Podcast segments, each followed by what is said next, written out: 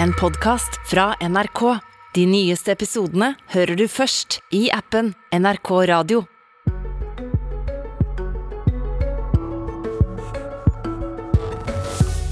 Deler av norsk grønnsaksproduksjon er i ferd med å råtne på rot eller blir harva ned.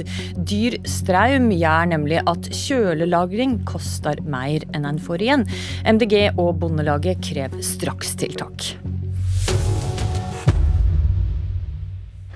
Ja, fy faen. Grønnsaksbonde Per Odd Gjestvang rister på hovedet og putter hendene i lomma. Han står og ser ned på rekke og rad med purrelauk på jordet sitt i Østre Toten. Det skulle være klart til innhausting, for blir purrelauken harva ned. Nei, dette er jo galskap. Dette her er jo mat som skulle vært høsta og tatt vare på, lagret og solgt. Jeg har ikke råd til å starte ei kjøle til. Vi har ett som går, og vi har allerede passert taket på 20 000 kWt. Ja, bønder får altså strømstøtte opp til 20 000 kWt i måneden, men Gjestvang han bruker langt mer enn dette for å kjøle, kjøle ned sine grønnsaker. Det blir rett og slett ikke lønnsomt. Dermed gikk 29 tonn purre tapt forrige uke. Leder i Norges Bondelag, Bjørn Gimming. Hva tenkte du da du så denne reportasjen på Dagsrevyen? Jeg må si Det er veldig trist å se at uh, fullverdig mat uh, ikke blir høsta og tatt vare på i dette veldig spesielle året som vi er inne i. Det er lagt ned store ressurser for å produsere mat i dette som på mange måter er et kriseår med, med krig som bakteppe i Europa. Uh, og det at vi nå er i en situasjon hvor mange ikke ser at de er i stand til å, å ta vare på den avlinga som det er lagt ned store ressurser i å produsere, da, da jeg uttalte at det er, det er, da er uheldig et mildt ord. Dette her er en veldig krevende situasjon for mange. Og det, det som kommer til å skje, er at vi kommer til å få mindre norske grønnsaker på bordet utover vinteren. Ja, Hvor prekær er situasjonen for norske grønnsaksbønder nå? Vi har en strømstøtteordning i jordbruket som, som eh, fanger opp det meste. Men så er det en del produsenter, eh, og særlig de som driver stort med grønnsaker nå, hvor den eh, har for liten effekt. Eh, og særlig fordi strømprisene nå ligger på et helt annet nivå enn da vi utforma den ordningen i januar måned. De produsentene står nå i en utrolig vanskelig situasjon med, med å, å, skulle velge å enten høste med tap, eller, eller la avlinga stå ute og, og at den går tapt. Så her er det viktig at man kommer på banen og sørger for at det blir gjort tilpasninger og justeringer, sånn at vi får sikra den avlinga, tatt vare på avlinga, sånn at vi faktisk kan eh, forsyne norske forbrukere med, med, friske, gode norske grønnsaker utover vinteren. Mm. Wilfred Nordlund, eh, du er leder i næringskomiteen eh, på Stortinget og får sitte her for Senterpartiet. Hva konkret vil regjeringa gjøre for å hindre at flere avlinger går tapt? Ja, Først vil jeg jo si at det er trasig å se det som skjer. Vi har ei strømstøtteordning som er beregna for primærprodusenter, altså de som høster, dørker og, sår i Norge. Og så er det klart at nå er det store avlinger rundt omkring eh, hos mange, og vi har en ekstrem strømpris eh, som gjør at mange får store kostnader nå når de går over taket i forbindelse med nedkjølinga. Det jobbes nå sammen med NHO og LO med ei strømstøtteordning for næringslivet. og eh, Både pakkerivirksomhet og lagervirksomhet vil nødvendigvis måtte vurderes inn under det. Det er mange av bønder som er gått i lag i andre typer virksomheter enn at de har egne lager, og vi er veldig avhengig av å treffe de også, hvis vi skal få til en ordning som sikrer at mest mulig av maten blir tatt vare på. Sa du egentlig nå at noen av bøndene kan komme til å gå inn under den nye ordninga som skal komme for næringslivet? Det kan hende når vi er ferdige å utarbeide denne sammen med LO og NHO. Det jobbes høyspreng på å få den på, på plass, og den antar jeg på, kommer på plass i nær framtid og blir presentert. Så håper jeg at eh, norske bønder eh, tar den risikoen det er, og prøve å høste inn på det mest optimale høstingstidspunktet. Den høstinga foregår jo ganske langt utover. Jeg er jo sjøl fra Nord-Norge, man høster jo helt ut i november, og inntil den tid så skal denne situasjonen være avklart. Men øh, hvis du er bonde, da, la oss si en gulrotbonde, f.eks. på Jæren, og ser nå at øh, du vil per nå tape penger på å ta opp disse gulrøttene og sette i gang kjølelageret. Eh, ville du da da vil du anbefale den bonden å ta opp de gulrøttene, sette i gang kjølelageret, sjøl om du taper penger nå, fordi at det kan komme til å komme nå? Kan du love at det kommer noe? Jeg kan ikke love noe, men jeg kan si det at jeg tror det at det de fleste bønder ville hatt muligheten til å i samarbeid med både Bama og Norgesgruppen, så de er de store avtakerne av produktene, og finne fram til gode løsninger. Vi er, fleste driver jo volumproduksjon på kontrakt, og det burde det være muligheter for å ha en diskusjon med de som skal ta imot, altså butikkjedene våre. Butikkjedene må ordne dette, men kan de vente seg noe hjelp fra regjeringa? Det er det som man driver og vurderer nå, hvordan man kan eventuelt innrette denne ordninga for å treffe eh, de som har det største behovet, og som ikke har hatt muligheten til å ta høyde for den ekstreme prisøkninga. For det er klart, det er alltid risiko å drive på med noe også i næringslivet. Mm. Une Bastholm, du er stortingsrepresentant eh, for MDG. Hva mener du at regjeringa bør gjøre for å hjelpe grønnsaksbøndene? Jeg må jo garantere nå at det vil lønne seg eh, å lagre de grønnsakene som er produsert. Og jeg må si jeg syns det er opprørende, og det er feil på så utrolig mange måter eh, at det her skjer nå. Og jeg stusser veldig over regjeringas evne til å være i forkant, for det her har man jo visst at kunne skje. Eh, og det sitter jo alle, I dag sitter bønder eh, og lurer på om det kommer til å lønne seg å høste de grønnsakene som de har produsert, i en tid hvor det er en energikrise, men det er også en pågående matkrise i verden. Eh, vi trenger å øke matberedskapen vår og sjølforsyninga, ikke motsatt. Eh, og vi har visst at det her kunne komme til å skje. Eh, og da tenker jeg at et strakstiltak nå er jo i hvert fall å gi en garanti for at det vil lønne seg for en bonde å ta opp og høste de grønnsakene og lagre dem. Og så kan man komme tilbake, så kan jo regjeringa også gå i dialog med de gigantiske maktkonsentrasjonene som en del av dagligvarekjedene og Obama er, som selvfølgelig også kommer til å sitte og telle på, eh, på, pengene her og se om det lønner seg for dem å ta inn. Så det å sette bønder, som allerede mange av dem driver på marginene, i en sånn situasjon, det, det vet vi jo at ikke går bare utover bøndene, men det går jo også utover matsikkerheten til eh, alle nordmenn. Og det her handler jo også om at forbrukere som ønsker å kunne spise god norsk norske grønnsaker. Nordlund, du kan ikke gi noen garanti? Jeg vil ikke ønske å gi noen garanti i dag. Det jobbes ganske hardt nå med å få på plass den ordninga. Eh, og det tror jeg er nødvendig, sånn at man er sikker at den blir treffsikker, og at de som eh, har behov, eh, får strømstøtte til de virksomhetene som står i en utsatt posisjon. Mm. Herunder også både de som driver på med pakkeri og lager virksomheter av norske matvarer. Ok, Bjørn Gimming, hva konkret foreslår Norges Bondelag at skjer? Vi foreslår at det blir gjort en justering i den eksisterende strøm, strømstøtteordningen. Den treffer jo veldig mange på en god måte, og så har vi enkelte nå som faller eh, utenfor.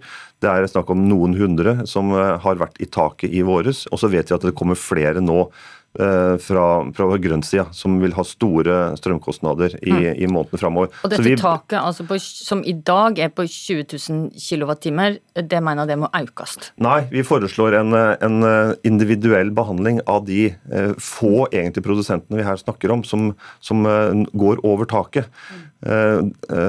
Så det er, ikke, det er, ikke, noen heving av taket som er vårt anliggende. Vi ønsker en individuell behandling av de, de de som går over, og som har veldig stort eh, strømforbruk. Vi tror ikke en justering av strømtaket vil være tilstrekkelig for å sikre grønnsakene på de bruka. Og, og, og, her er jo her, okay. ja. Ja, ja, Nordlund, Er det aktuelt å, å, ha individuell behandling da, og at noen av de bøndene som går over dette taket på 20 000 kWt i måneden, kan få støtte for det. Hvordan vi skal utforme den støtten til næringslivet på strøm, det kan ikke jeg si noe om nå.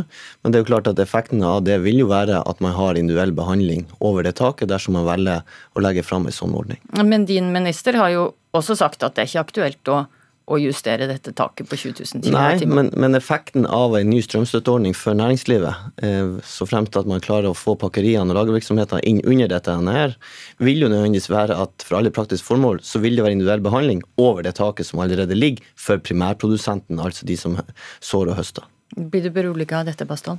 Nei, jeg blir ganske urolig. For altså, sånn, må jeg virkelig sitte og belære Senterpartiet om at matprodusentene i Norge er ikke vanlige næringsdrivende. Men ikke, en del av dem også har, har ekstra høyt energiforbruk fordi de lagrer, eh, lagrer maten på kjøle.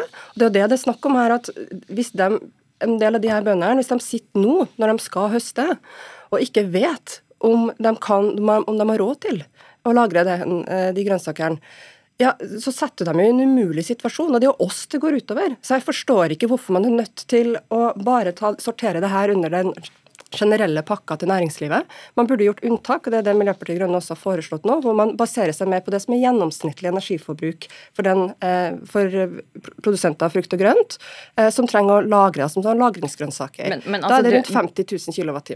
Øh, jeg forstår, men du, bønder er altså den eneste næringa som har fått strømstøtte. Uh, og de fikk et jordbruksoppgjør på over 10 milliarder kroner. Hvor mye penger skal vi gi til bøndene, da? Ja, det Jordbruksoppgjøret det klarte jo heldigvis, og det er nok takket være Senterpartiet, å kompensere for en del av de ekstra utgiftene som gjør at vi fortsatt kunne hatt en OK eh, nivå av matproduksjon og selvforsyning i landet. Men det har jo ikke gitt noe f.eks. økt marginene til en del av de bøndene som, som, allerede driver veldig knapt, da, for å si det sånn, og ikke tåler denne type ekstrautgiftene.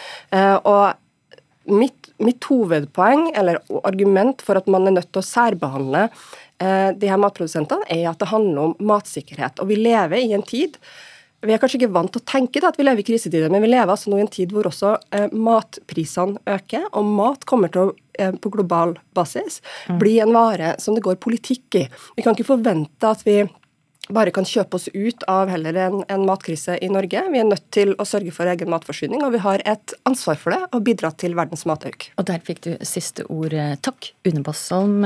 Takk, eh, Bjørn Gimming. Og takk, Wilfred Nordlund, for at jeg tok debatten i Politisk kvarter. Hør Politisk kvarter som podkast når du vil i appen NRK Radio. I dag blir eh, skjebnen til eh, Norges trolig rareste kommune avgjort. Eh, kommunen er delt i to, med ei anna kommune mellom seg. Vi snakka om Kinn nord i Vestland, med Måløy nord og Florø i sør. Og Lars Nehru Sand, politisk kommentator her i NRK. Hva veit vi om hva kommunestyret kommer til å avgjøre senere i dag? Det blir et veldig spennende kommunestyre der i dag. Det kan stå om så mye som én eh, stemme og de opptellingene som er gjort på forhånd, viser at det som gjerne kan bli ansiktet på dette, er at uh, Marie Øverås Jensen, uh, som var med i SV, som går inn for å splitte kommunen, uh, pga. denne saken meldte overgang til Arbeiderpartiet, som har bundet gruppa si til å stemme for å fortsette med Kinn kommune som i dag, og at det da blir tunga på vektskåla. De utregningene også vi i NRK har gjort, viser at stemmeresultatet kan bli 21-18 hvis alle møter, og hvis alle stemmer som de har sagt på forhånd. Et spennende kommunestyre venta der. altså. Denne folkeavstemninga som var i Kinn, var altså for ei knapp, eh, uke siden. Bare minn oss eh, kort på resultatet fra av den?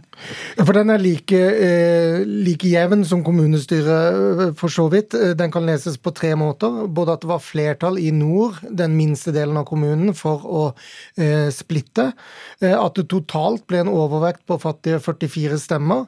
Og den kan leses som at hvis man tar med de blanke stemmene, så fikk ingen av alternativene 50 mm, Du nevnte SV og Arbeiderpartiet sine standpunkt her, men hva andre partier er det som går inn for å splitte? Opp denne kommunen? Og det vi kan legge merke til, at det er egentlig det at Høyres gruppe er delt 4-2 og MDG 1-1, som egentlig følger den underliggende geografidimensjonen her, med om representantene bor i nord eller sør. Det er det som egentlig avgjør at folkeavstemningen, eller de som fikk flest stemmer i folkeavstemningen, også får flest stemmer i kommunestyret. og Det er jo det som hele tiden er det underliggende og konfliktskapende her, nemlig at Vågsøy, lillebroren i, i nord, føler at de har matematikken mot seg og umulig da kan få gjennomslag for sitt syn, nemlig at eh, kommunen bør deles. Mm. I Søgne og Kristiansand så brukte regjeringa det argumentet at eh, det heller at én part ønsker skilsmisse. Kan eh, kommunalminister Gjelsvik og regjeringa engasjere seg i den saka her også?